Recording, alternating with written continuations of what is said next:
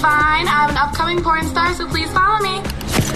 A lot of them know it's a trap, but the money's there in their face right now, cash. They take it. They don't care about who you actually are. I'm trying to be famous, so gotta do what you gotta do. Això que sentim és un fragment d'un documental nord-americà que es diu Hot Girls Wanted, presentat al Festival de Sundance l'any 2015, i que ensenya tot el que hi ha al darrere de la indústria del porno amateur. Joves que busquen fama i caler ràpid, treballant en aquesta indústria que com ens podem imaginar, és una de les més lucratives a nivell mundial. És molt recomanable de veure pels pares, però sobretot amb els adolescents. Netflix el té per 18 anys. I per què? Doncs perquè hi ha dades que indiquen que el 70% dels joves, és una xifra que ens fa molt mal escoltar-lo els pares, però que és així, el 70% dels joves recorren a internet per resoldre els seus dubtes sexuals i, bàsicament, per trobar dubtes sexuals, van a patar, malauradament, el porno. A més, encara que no el busquin, els infants es topen en contingut pornogràfic als 8 anys i als 14 ja en són consumidors regulars si no hi ha un control per part de les, de les famílies. Aviam, que anem a explicar-ho. RAC1 i EAE Business School us ofereixen el raconet de la tecnologia amb Jordi Basté i Josep Maria Ganyet.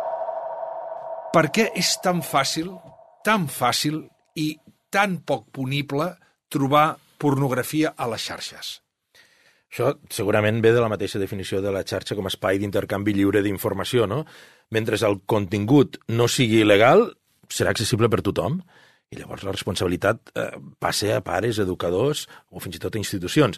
Una altra cosa és que aquest contingut sigui amoral o sobretot perjudicial per a qui el rep. Eh? Els estudis demostren que qui rep aquest contingut, sobretot si està en una edat eh, formativa, eh, li canvia la manera de, de, de veure el món. Això és particularment important, perquè mm. quan tu veus un contingut, els adults també, eh, que potser no hauries de, de veure o que et, et et trasbalsa o et provoca angoixa, ja no hi ha manera de desveure aquest contingut, eh, si és que aquest verb existeix. Uh -huh. eh? Amb una persona en formació, amb els valors en desenvolupament, això pot impactar negativament per la resta evident, de la seva vida. Evident, eh? evident, evident. evident.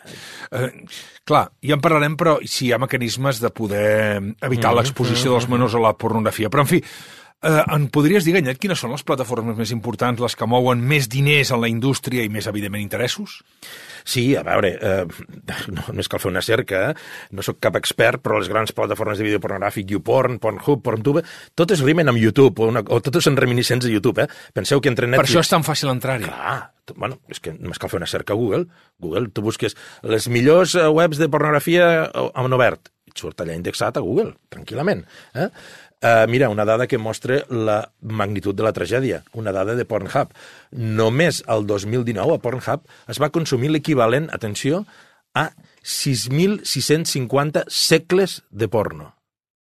Només en un any.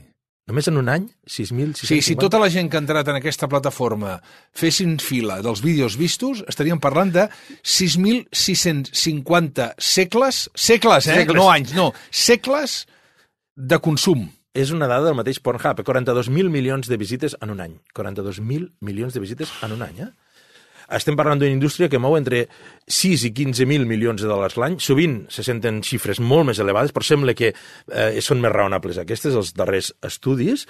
Eh, molts diners equival a molta influència i molt poder, eh, fins i tot per incidir en segons quines lleis. Eh? A Califòrnia, eh, Los Angeles, amb el porno tenen molt, molta mà. Eh, I, sobretot, si tens molts diners, és, eh, és molt més fàcil invertir per captar nous consumidors eh, i per generar publicitat. No? Eh, hi ha una cosa potser més preocupant, que no és aquesta pornografia explícita, sinó que és aquella que no es veu de tan naturalitzada que la tenim. I la trobem a Twitter, a Instagram, a les xarxes socials, sobretot privades, les més privades com WhatsApp i Telegram. Telegram sí, els, sí. Missatges, els missatges privats que s'envia la gent és, eh, és impossible de veure el que hi passa. Això sense anar ja a la dark web, que és un altre tema. És dark web? Bueno, és, és uh, una web que s'hi ha d'accedir amb navegadors especials, oh. que uh, hi ha continguts uh, aquí totalment il·legals, absolutament, ja, ja, ja, que, que van molt més enllà. Eh? Ja, ja, ja. Hi, hi, ha, hi ha una part molt difícil de detectar, que és la que està inserida amb les pautes culturals, canals d'influencers, els streamers de segons quin tipus de videojocs, videoclips, música, eh, moda Que va directe al cervell de l'adolescent. I aquí no ho veiem, i això no es veu, perquè està totalment tolerat, eh? Va. I, per, per tant, hem de parlar de continguts, i quins continguts hi podem arribar a veure aquí. Sí, el, al, al general són, són continguts que distorsionen la realitat i trasllada a models de relacions que no són igualitaris, estereotips de gènere, pràctiques sexuals violentes, sense consentiment, tot això, res, eh, rascant, vull dir, fent el, el primer clic que trobis eh, a Google, eh? eh, ja no entra en contingut d'explotació il·legal, violència, totes aquestes coses que, eh, evidentment, això són punibles i, i si mai veieu alguna cosa d'aquestes, ja, les heu de denunciar. Eh? Denunciar i coses que realment, com, No, no, com a societat... No, no entrem, eh? Val, val, però, però hi ha una cosa que és, que és més subtil. Sí, eh, eh, és aqu- aquesta cosa que afecta la nostra percepció de la realitat eh, i contra el que estem indefensos perquè no ho veiem. Eh, Escolta, estem veient eh, gent molt jove, protagonistes de, de vídeos hipersexualitzats, eh, i dius, bueno, clar, no ho veiem, però nosaltres i els joves en pateixen les conseqüències. No? Els estudis seriosos el que demostren és que els que veuen pornografia tenen una, pendència, una tendència molt més gran a objectivar els que, els que els envolten, a ser més crítics amb el cos dels altres i amb el seu propi cos, amb l'aspecte, amb el rendiment sexual, amb el de la seva parella. El raconet de la tecnologia. Però hi ha una cosa, Ganyet, que ha passat sempre a tota la vida. O sigui, abans, quan eren joves, eh, doncs anaves al videoclub i d'amagatotis agafaves aquella pel·lícula a través de, de, de Beta o VHS, però era una altra història. Les revistes. Perquè era allò, i les revistes, el LIP i totes aquelles revistes, te recordes? Per això estem parlant de menudència, misèria comparat amb el que està passant, passant alguna cosa, perquè, és clar, s'ha de reconèixer que això online, el sexe online, enganxa i ens hauríem de preguntar per què. Sí, home, jo, jo no soc psicòleg, puc parlar de la meva experiència i com a, com a, com a consumidor de l'IP, si, si tu vols, però com, com, a, com a educador. T'ho responc personalment. Mira, jo crec que eh, la, la pornografia o el sexe a, a internet enganxa perquè ho té tot. Primer, són històries fantàstiques. Entendre que allò és fantasia pura, mm -hmm. fantàstic, eh? no existeix. Segon, són, és gent normal que en un moment determinat es converteixen en superherois. Dius, ostres, aquest paio o aquesta noia, no? Mireu tot el que pot arribar a fer. I a més, com que estan prohibides, o que té, té un d'allò de tabú, Marvel pornogràfic. clar, és, és, és Marvel, és, és, són els herois de la Marvel pornogràfic, eh, directament.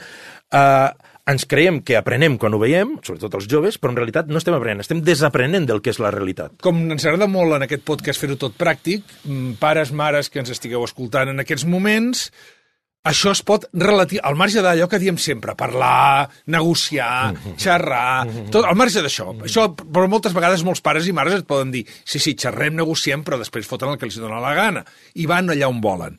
Podem fer alguna cosa? Sí, mira, primer anem a lo fàcil, que són els controls. Val, controls parentals. Controls parentals, Val. sí. Mira, uh, molt important, tindre el mòbil dels vostres fills, o de, o de, de filles, gent que tingueu al vostre càrrec, en un pla familiar. Els que tingueu en família. Els que tingueu iOS, aneu a configuració, mm. eh, la configuració, nom d'usuari, la primera opció, la del de tot, Sí. el, el vostre nom d'usuari, hi ha una opció que diu en família, i allà hi poseu afegir un membre. I llavors poseu tots els mòbils dels vostres fills. Val. Eh? Els que tingueu Android, baixeu-vos l'aplicació Family Link al vostre mòbil i al del fill. Eh? Una, una aplicació que es diu Family Link amb Android i ho poseu al vostre mòbil i al del fill i també els vinculeu. Vinculeu el compte de Gmail del vostre fill amb el vostre. I a partir d'aquí podeu mirar doncs, el temps d'ús del vostre fill, els continguts i la privadesa. Eh? Aneu a continguts i privadesa i poseu-li restriccions de contingut, limitar els llocs de web adults, que, Val. que aquests no surtin. Val. Eh, hi ha un canvi de, de mentalitat que és dir-los-la el que és la realitat del porno, que és Correcte. que són fake news i que, i que el porno psicològicament fa mal a qui el consumeix per allò que s'imagina. És una cosa tenir 30 anys, una altra tenir 15 o 12. És això, és això.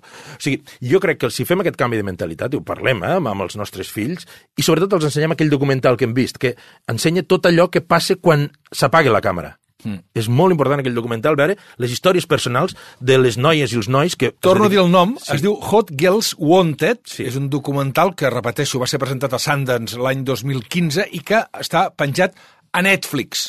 Si no teniu fills, eh, mireu-lo també. D'acord. Eh? Eh, jo, jo crec que s'ha de tractar el porno com a fake news que són.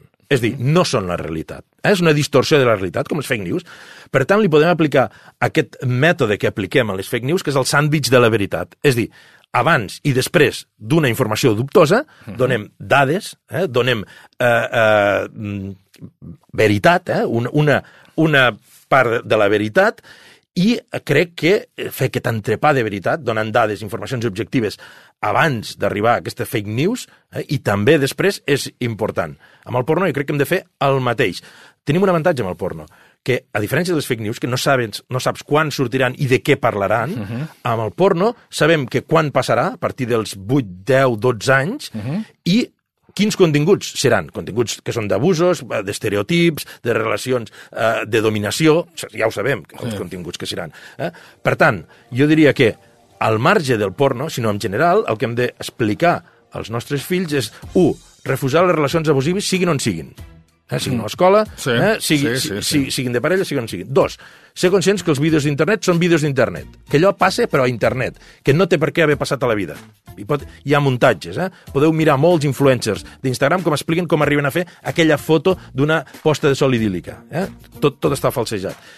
3. Aplicar sempre 1 i 2, i sobretot 1 i 2 al porno. Refusar relacions abusives i ser conscients de que els vídeos d'internet han passat, sí, però a internet. Eh, és molt important i parlar obertament de sexualitat amb els nostres, amb els nostres infants, perquè la informació amb criteri sobre el sexe, que també la podem buscar a internet, és vital per tenir, diguem, una visió realista de com mantenir relacions. Eh, per tant, controlem els continguts i, sobretot, informació, informació, informació, informació, i mireu aquest documental, reitero, està a Netflix, Hot Girl Wanted, si pot ser amb els vostres fills i vosaltres, ja us avanço que no mirareu mai més pornografia a internet.